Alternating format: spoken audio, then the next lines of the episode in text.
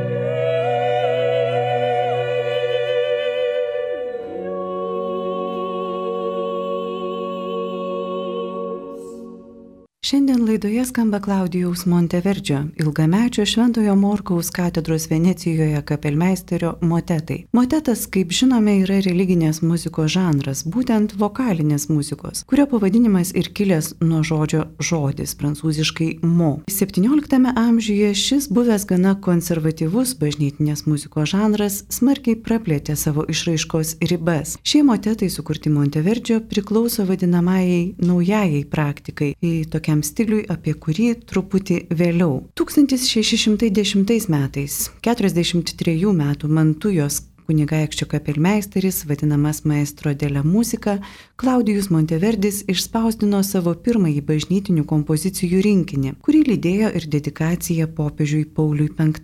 Tuo metu Monteverdis ketino išvykti iš Mantujos, o jo žvilgsnis, ieškant naujos tarnybos, krypo į prestižinius konservatyviosios tuomet Romos ar Venecijos postus. Pastarajame mieste Venecijoje po trejų metų jis pagaliau ir gavo tarnybą Šventojo Morkaus katedroje, kurioje dirbo iki mirties. Roma ir Venecija tuomet buvo miestai, kuriuose bažnytinis muzikos gyvenimas klėstėjo ir dirbti šių miestų bažnyčiose buvo didžiulis prestižas. Taigi pirmajame minėtame Monteverdžio rinkinyje jau atsispindi nepaprasta stilių ir kompozicinės technikos įvairovė. Mišios senuoju polifoniniu stiliumi, rinkinys mišparų psalmių pritariamų instrumentais, taip pat ir grupė vadinamųjų sakri končentus, monodinių vienbalsių giesmių, skirtų atlikti privačiose koplyčiose ar kilmingųjų rūmų svetainėse.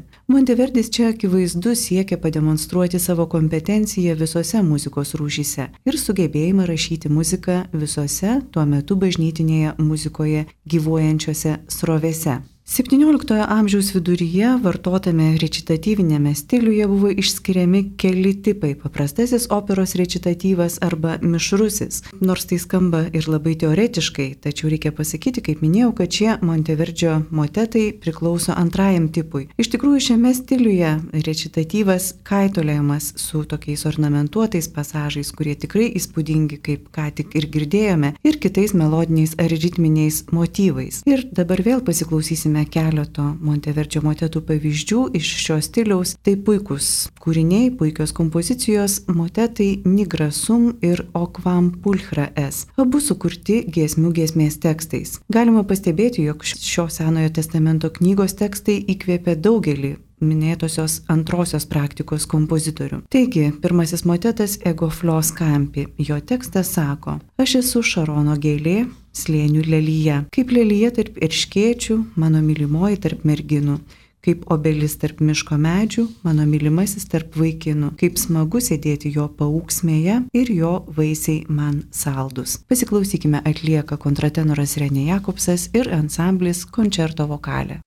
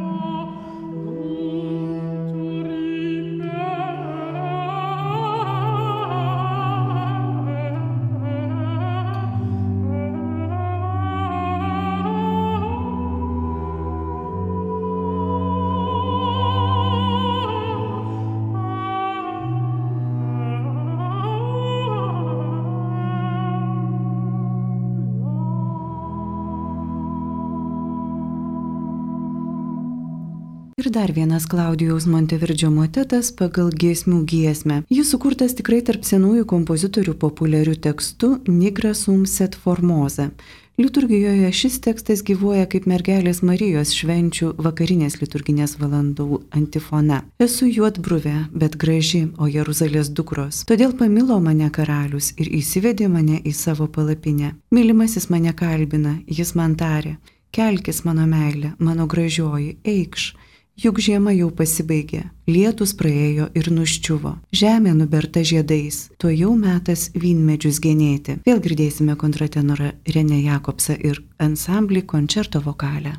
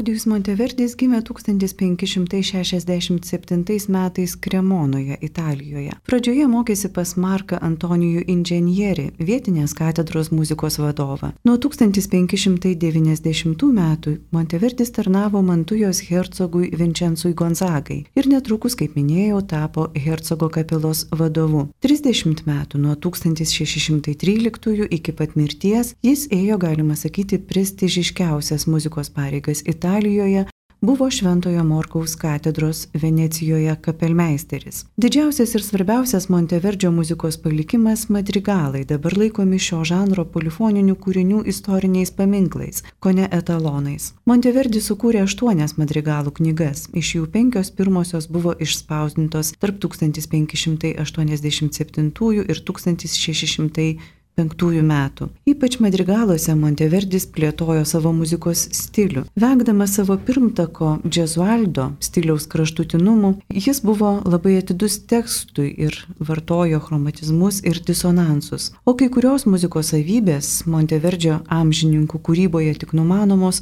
rodo, kad kompozitorius drąsiai pasuko XVII amžiaus naujojo stiliaus link. Tačiau vis tiek didžiulė Monteverdžio kūrybos dalis tai yra bažnytinė muzika ir tai be abejo lėmė jo tarnybą Šventojo Morgaus katedroje. Sukurta daugybė mišių, mešparų, magnifikat kompozicijų, taip pat religinių motetų ir madrigalų. Dauguma jų vis dėlto parašyti ir pagal senąją bažnytinės muzikos tradiciją, kitaip tariant, pirmąją praktiką, kur Monteverdis laikosi Palestrinos sukurto griežtojo stiliaus reikalavimų. Tačiau motetai, kurių mes šiandien klausomės, nors pradžioje sukurti Mantujos kapelai, jau priskiriami antrosios praktikos stiliui. Čia, kaip girdime, nepaprastai gražiai ornamentuotos melodijos ir laisvi kontrapunktai puikiai dera tarp visų solistų balsų balsų. Dabar klausysimės dar vienos giesmės, jinai vadinasi Jubilet, skirta mergeliai Marijai. Taip pat ją atlieka Renė Jakobsas ir ansamblis koncerto vokalė.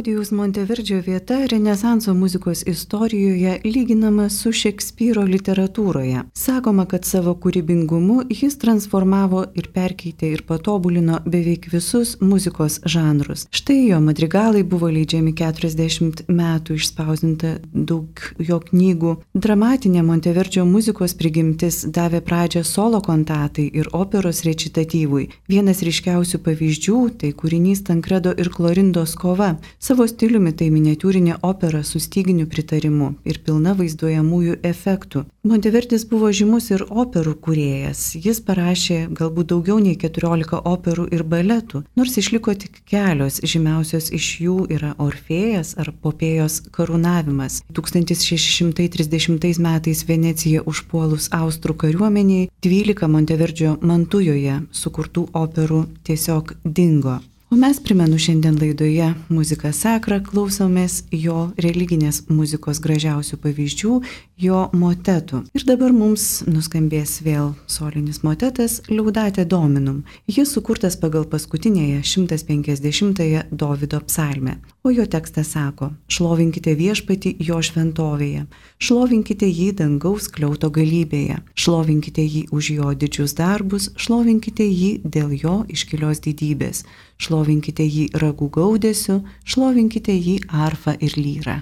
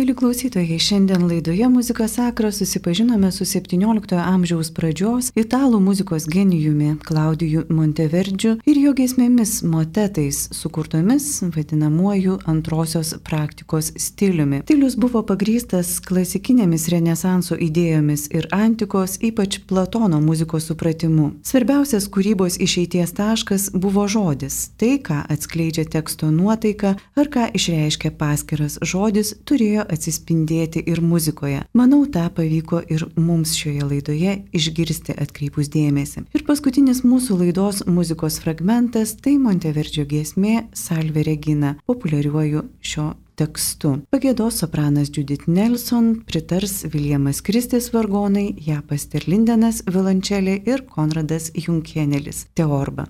O aš su jumis jau atsisveikinu, palieku klausytis nuostabios muzikos, laidą parengė ir vedė Živilė Stonytė iki kitų susitikimų.